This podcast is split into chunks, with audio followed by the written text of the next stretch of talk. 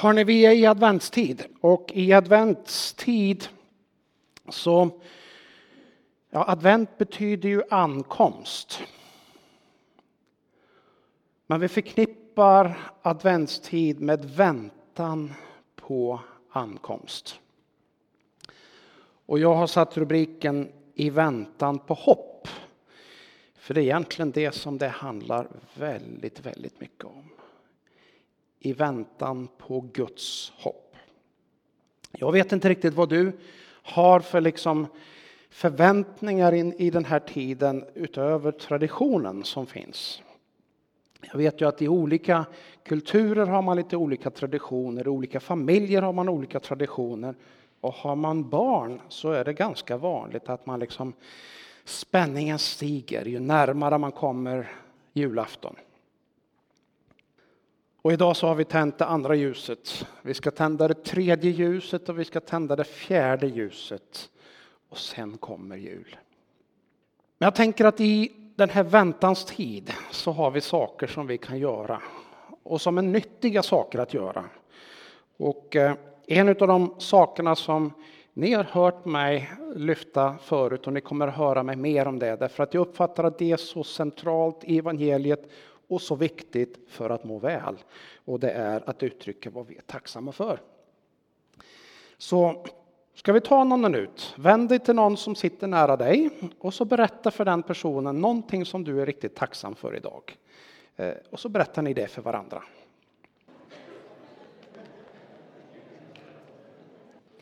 Det är nämligen så här att när vi uttrycker vad vi är tacksamma för, då händer åtminstone två saker. Det kanske händer fler saker. Utöver att du får liksom ett sånt där gott samtal med någon som du delar det du är tacksam för. Så är det som att himlen öppnar sig. Därför att när vi uttrycker tacksamhet så kommer vi väldigt snart in i att vara tacksamma till Gud.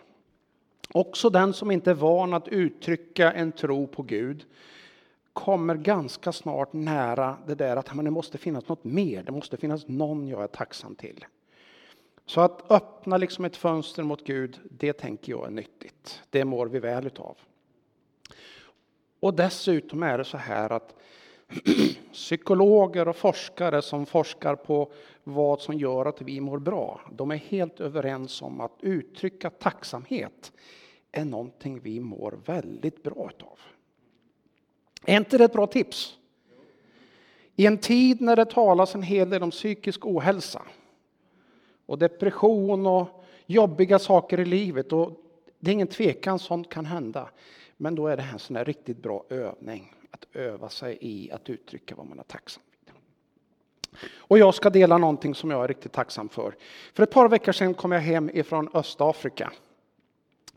Jag har gjort några resor den här hösten och den senaste resan var till Tanzania. Och där hade jag möjligheten att möta 25-tal ledare de kommer ifrån tiotal länder. Jag tror att det kommer en bild på det här, ja precis. Där har ni en fin bild. Jag sitter där någonstans framme tillsammans med några. Det är inte jag som har komponerat bilden. Det här är en östafrikansk komponering av bilden. Eh, men det var fantastiskt. Under några dagar så var vi tillsammans och jag fick möjligheten att arrangera en sån här ledarträning som fokuserade på mentors och coachningsverktyg. Det vill säga verktyg för ledare att hjälpa andra ledare att ta nya steg och resa sig upp, utvecklas, växa. Det där tänker jag är sant, det där är viktigt för lärjungar, för lärjungar är lite grann utav ledare. Ni vet, först så börjar man att leda sig själv, det är första steget, vilket man är en lärjunge eller man är en ledare av något annat slag. Och när man har börjat ta steg och kan leda sig själv, då kan man också leda andra människor. Ibland kanske en, ibland kanske två. Rashid han har varit med och lett en vän till tro. Det är ett ledarskap. Och vi hade möjlighet här med ett 25-tal ledare som är kopplade till Ibra på olika sätt att ge dem mer verktyg. De här finns i en miljö där vi talar om lärjungarörelser. Det vill säga det är inte bara en lärjunge som gör ett antal lärjungar utan alla lärjungar, eller de flesta lärjungar är med och delar sin tro, delar sitt hopp och hjälper andra att bli lärjungar. Och när det blir riktigt många då behövs det också andra typer av ledare. Tänk att få vara en lärjunge som gör lärjungar. Som gör lärjungar, som gör lärjungar. Tänk dig vad som händer om det liksom fortsätter, att varje lärjunge fortsätter att göra nya lärjungar. Vi ser det hända. Bland annat ser vi det hända på Swahili-kusten. Kusten som ligger på östra Afrika, börjar någonstans eh, Somalia, Kenya, Tanzania, Mosambik.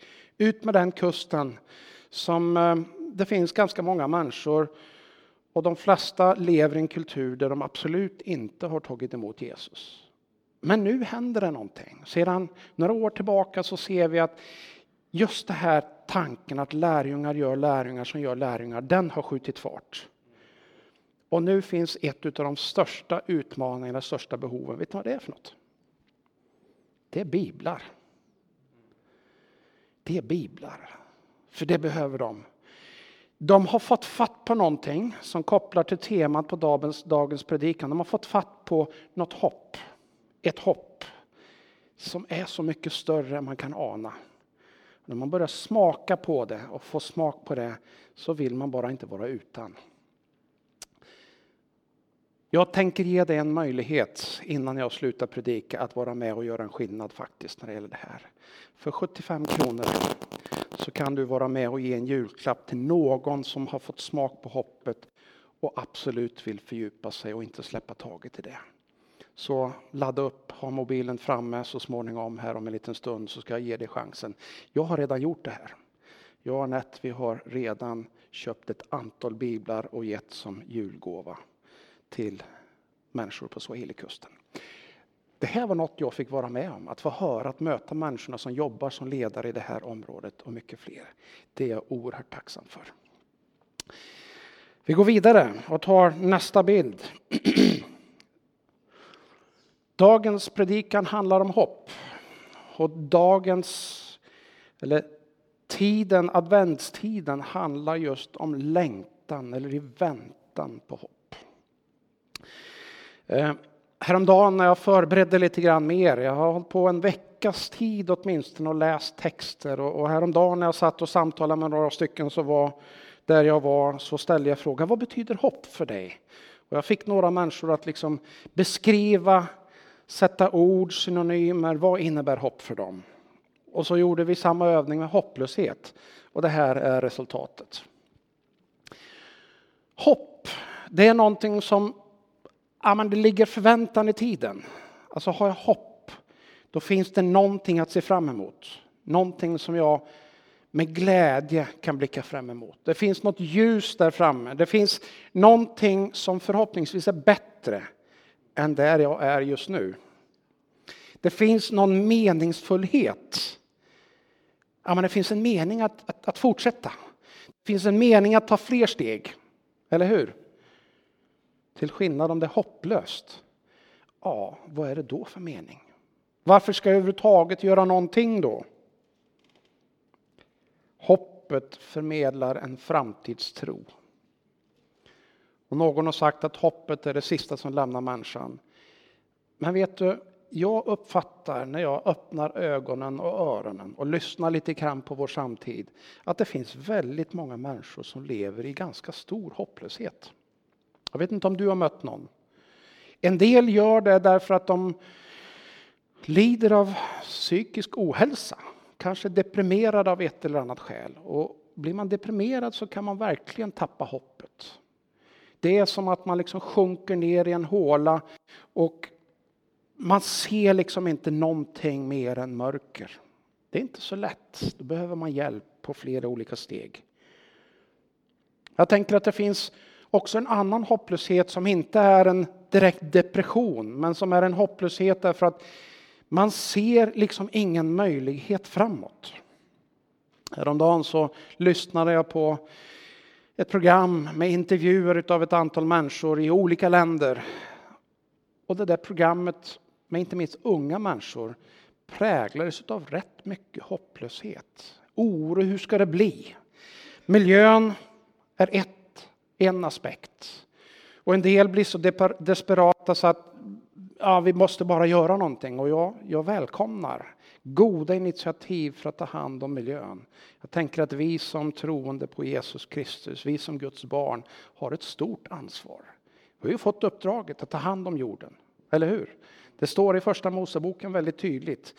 Förvalta, råd över jorden. Både kvinnor och män har det ansvaret. Så jag tänker att det är en god tanke. Men det finns en risk att man liksom drunknar i hopplösheten. En del känner ensamheten som en sån här hopplöshet, ett sånt där mörker. Vem ska jag fira jul tillsammans med? Vem ska jag vara tillsammans med när alla andra, jag ser ju på sociala medier, vet ni, allt som delas på sociala medier är inte sant. Och allt som delas på sociala medier har inte båda sidorna. Ni vet, om man har ett mynt så finns det alltid två sidor på det. Och den ena sidan kan se mer fantastisk och lockande ut än den andra. Men det finns alltid två sidor av myntet. Men jag tänker att det finns en hel del utav hopplöshet. Då har jag de goda nyheterna till dig. Vår Gud, som vi i den här kyrkan tror på, han beskrivs som hoppets Gud. Tänk att vi får vara hoppets kyrka i en tid när det är bristvara på hopp. Tänk att få vara representant för hoppets kyrka och för hoppets Gud i en tid när det är så många människor som saknar hopp. Salmisten skriver i psalm, 26 förlåt, psalm 62 så här. Bara hos Gud har du din ro, min själ. Från honom kommer mitt hopp. Bara han är min klippa och min frälsning, min borg. Jag ska inte vackla.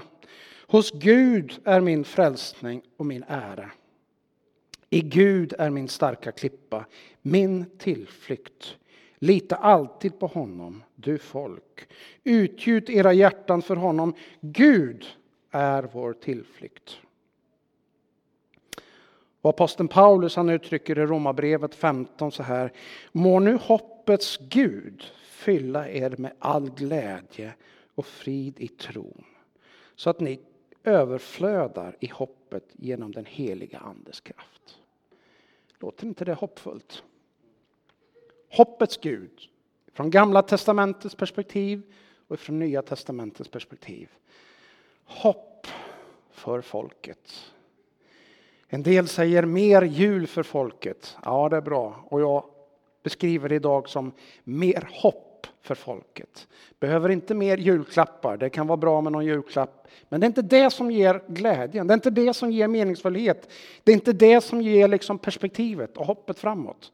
Det är något annat. Tänk att du och jag som finns i den här kyrkan, om du är här för första gången eller ny, då ska du veta att den här kyrkan representerar hoppets Gud. Ett Gud som inte kommer och trycker ner, utan en Gud som kommer och lyfter upp. En Gud som inte kommer och lägger bördor, utan istället kommer och lyfter av bördor. Är inte det fantastiskt? Vi ska läsa några till bibeltexter här. Och nästa text är hämtad från Matteus 12 och 15. Och jag har satt rubriken att Jesus är nyckeln till Guds hopp. Det står så här, många följde honom och han botade dem alla. Han förbjöd dem strängt att avslöja vem han var för att det skulle uppfyllas som var sagt genom profeten Jesaja. Se, min tjänare som jag har utvalt, min älskare som min själ glädjes över. Jag ska sända min ande över honom och han ska förkunna rätten för folken. Han ska inte gräla eller ropa och ingen ska höra hans röst på gatorna. Ett brutet strå ska han inte krossa. En rykande veke ska han inte släcka fram till det att han har fört rätten till seger. Och till hans namn ska folken sätta sitt hopp. Evangeliet. Det är det glada budskapet om Jesus Kristus.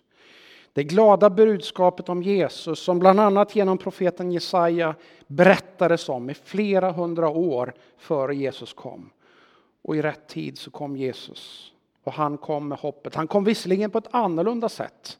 Folk hade nog tänkt sig att han skulle komma på en vit häst som en stor kung och han skulle liksom sätta romarna på plats. De som var ockupationsmakt över Israel på den här tiden. Men han kom på ett annat sätt och han kom med ödmjukhet. Han kom inte för att krossa. Han kom inte för att gräla. Nej, ett brutet strå skulle han inte krossa, säger Jesaja. Och en rykande veke, du vet den där som nästan helt och hållet har tappat gnistan. Den skulle han inte släcka. Jag vet inte om du finns här som möjligen känner dig eller har känt dig som ett, ett, ett, ett sånt här strå som kanske är lite brutet, kanske är lite tilltufsat. Eller möjligen som en sån här veke, du vet, det har liksom bränt upp, det finns ingen stearin kvar, det finns ingen energi kvar. Och det bara tynar lite grann utav rök. Om du möjligen har känt dig så eller känner dig så i den här juletiden, då är de goda nyheterna att Jesus har inte kommit för att vare sig släcka eller krossa dig. Tvärtom. Han har kommit för att ge dig hopp. Han har kommit för att du ska få lyfta blicken igen, för att du ska börja se meningsfullhet igen, att du ska börja se ljus igen, att du ska få någonting att se fram emot. Det är Jesu uppdrag. Jesus är faktiskt nyckeln till det hopp som Gud talar om. När vi, Bibeln talar om hoppets Gud så är faktiskt Jesus nyckelpersonen genom hela historien. Och det är därför som vi i kyrkorna varje söndag sätter Jesus i centrum. Det är därför vi behöver påminnas om att sätta Jesus i centrum också i våra liv. Inte bara på söndagar, utan måndag, tisdag, onsdag, och torsdag, och fredag och lördag. Ja, hela veckan lång. Vi tar en text av aposteln Paulus också som jag tänker koppla rätt mycket till vår tid här. Romarbrevet 8 och 18. Världen längtar efter befrielse. Paulus uttrycker det så här. Jag menar att den här tidens lidande inte kan jämföras med den härlighet som ska uppenbaras och bli vår. Själva skapelsen väntar och längtar efter att efter Guds barn ska uppenbaras. Skapelsen har ju blivit lagd under förgängelsen, inte av egen vilja, utan genom honom som lade den där under. Ändå finns det hopp om att även skapelsen ska befrias från sitt slaveri under förgängelsen och nå fram till Guds barns härliga frihet. Vi vet att hela skapelsen gemensamt fortfarande suckar och våndas. Och inte bara den, utan också vi som har fått anden som förstlingsfrukt. Suckar inom oss och väntar på barnaskapet, vår kropps förlossning. Och vi tar nästa text också här som fortsätter. I hoppet är vi frälsta. Men ett hopp som man ser uppfyllt är inte längre något hopp. Vem hoppas på det han redan ser? Men om vi hoppas på det vi inte ser så väntar vi uthålligt. Så hjälper anden oss i vår svaghet. Vi vet inte vad vi borde be om, men anden själv vädjar för oss med suckar utan ord. Och han som utforskar hjärtan vet vad anden menar eftersom anden vädjar för det heliga så som Gud vill.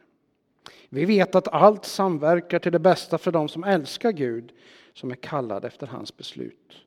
Dem som han i förväg har känt som sina har han också förutbestämt till att formas efter hans sons bild så att sonen blir den förstfödde bland många bröder. Det här tycker jag är en häftig text. Jag tycker det är en häftig text därför att Paulus målar det som vi ser nu. Han målar en värld som liksom inte är tillfreds med det den är. En värld som liksom hoppas och väntar på befrielse ifrån allt som förstör. Ifrån rovdrift, ifrån miljöförstöring, ifrån egoism, ifrån ondska, ifrån mörker. Och så målar han bilden att ja, det är liksom hela världen, jorden, det är som naturen längtar efter det här, men också vi som människor längtar efter det här. Det är ganska fascinerande. Läser man Jesaja 55 så talas där om ett hopp där Jesaja beskriver det som så här att när ni går fram så ska träden liksom glädjas och jubla. Och här talar Paulus om att nej, men skapelsen lider och väntar på någonting som ska komma. Och i den andra delen, hjälp till befrielse, så kommer lite antydan. Och där kommer en sån här väldigt praktisk sak. Där Paulus säger så här att ja, det är så vi längtar. Och vi hoppas.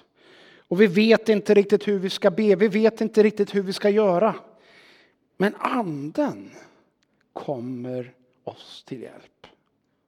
Visst är det fantastiskt?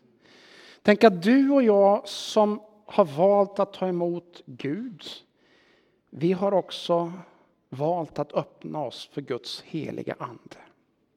Vi är skapta med den möjligheten från början därför att både Fadern och Jesus själv och Anden fanns närvarande i skapelseberättelsen, skapelseögonblicket.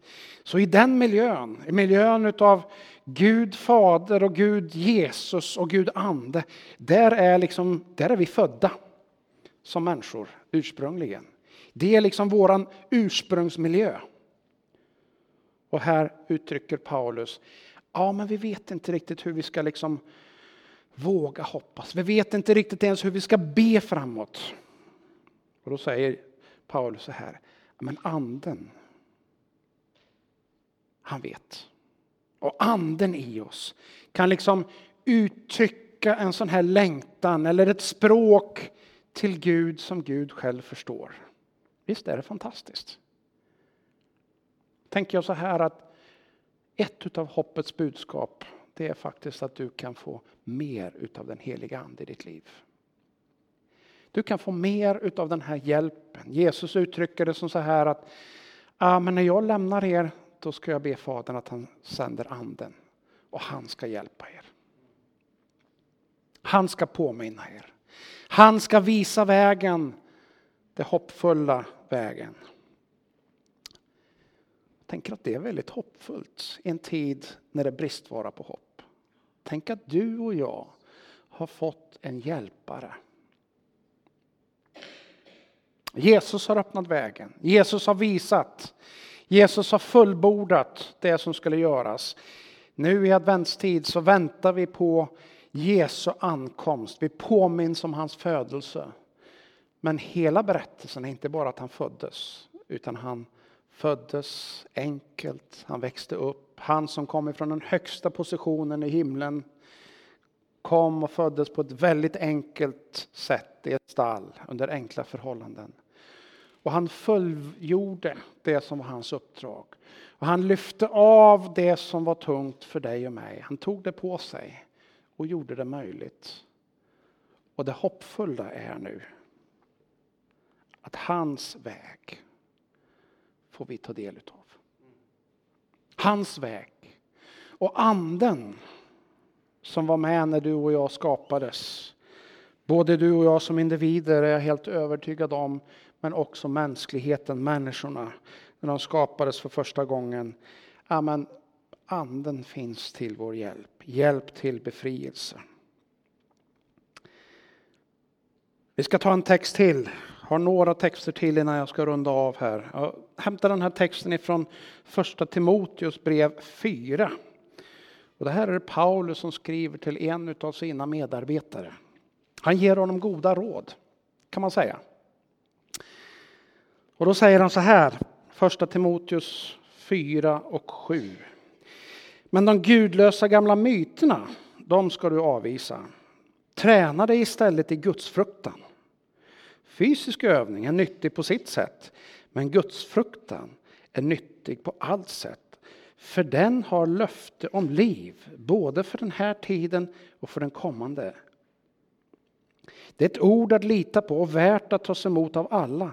Det är därför vi arbetar och kämpar, för vi har satt vårt hopp till den levande guden som är frälsaren för alla människor. Först och främst för dem som tror. Detta ska du inskärpa och lära ut. Här är Paulus, aposteln Paulus instruktioner till sin medarbetare. Och jag tänker vilka fantastiska instruktioner. Jag tänker så här att i en tid när det finns mycket hopplöshet och en tid när det finns mycket psykisk ohälsa så kommer Paulus med två stycken superrelevanta saker. Han säger för det första att fysisk övning är nyttig på sitt sätt, absolut. Men det stannar inte där. Gudsfruktan, att öva sig i gudsfruktan, andliga övningar. Det vill säga att öva sig i att ha en god och sund relation med Gud. Det är någonting som betalar av sig. Det är någonting som öppnar för ett större, ett rikare liv. Mer glädjefullt liv. Och då tänker jag så här, ja, men tänk om vi som kyrkan kunde vara en gemenskap. Där vi inte bara ägnar oss åt det ena eller det andra, men där vi slår ihop det bästa utav världarna.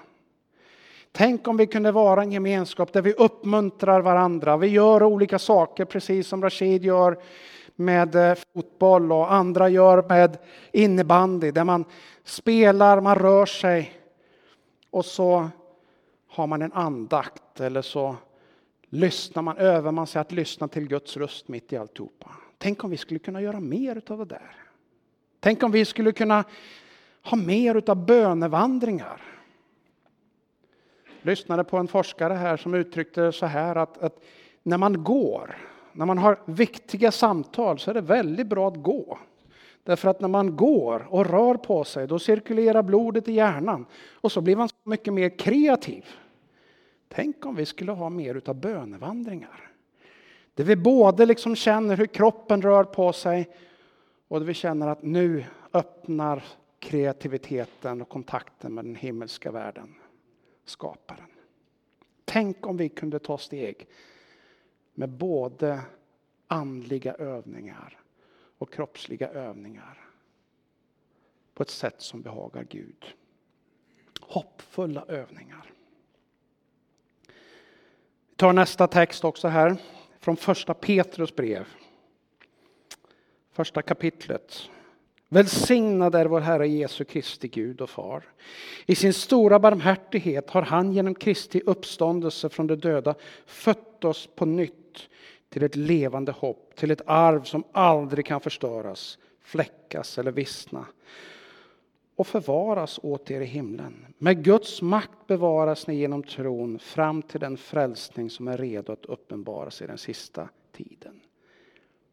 Och det levande hoppet, vem är det? Jo, det är Jesus själv. Jesus själv. Och den sista texten som jag vill dela med er här och stanna ett litet ögonblick vid. En kort text ifrån också första Petrus brev 3 och 15. Väldigt praktisk text.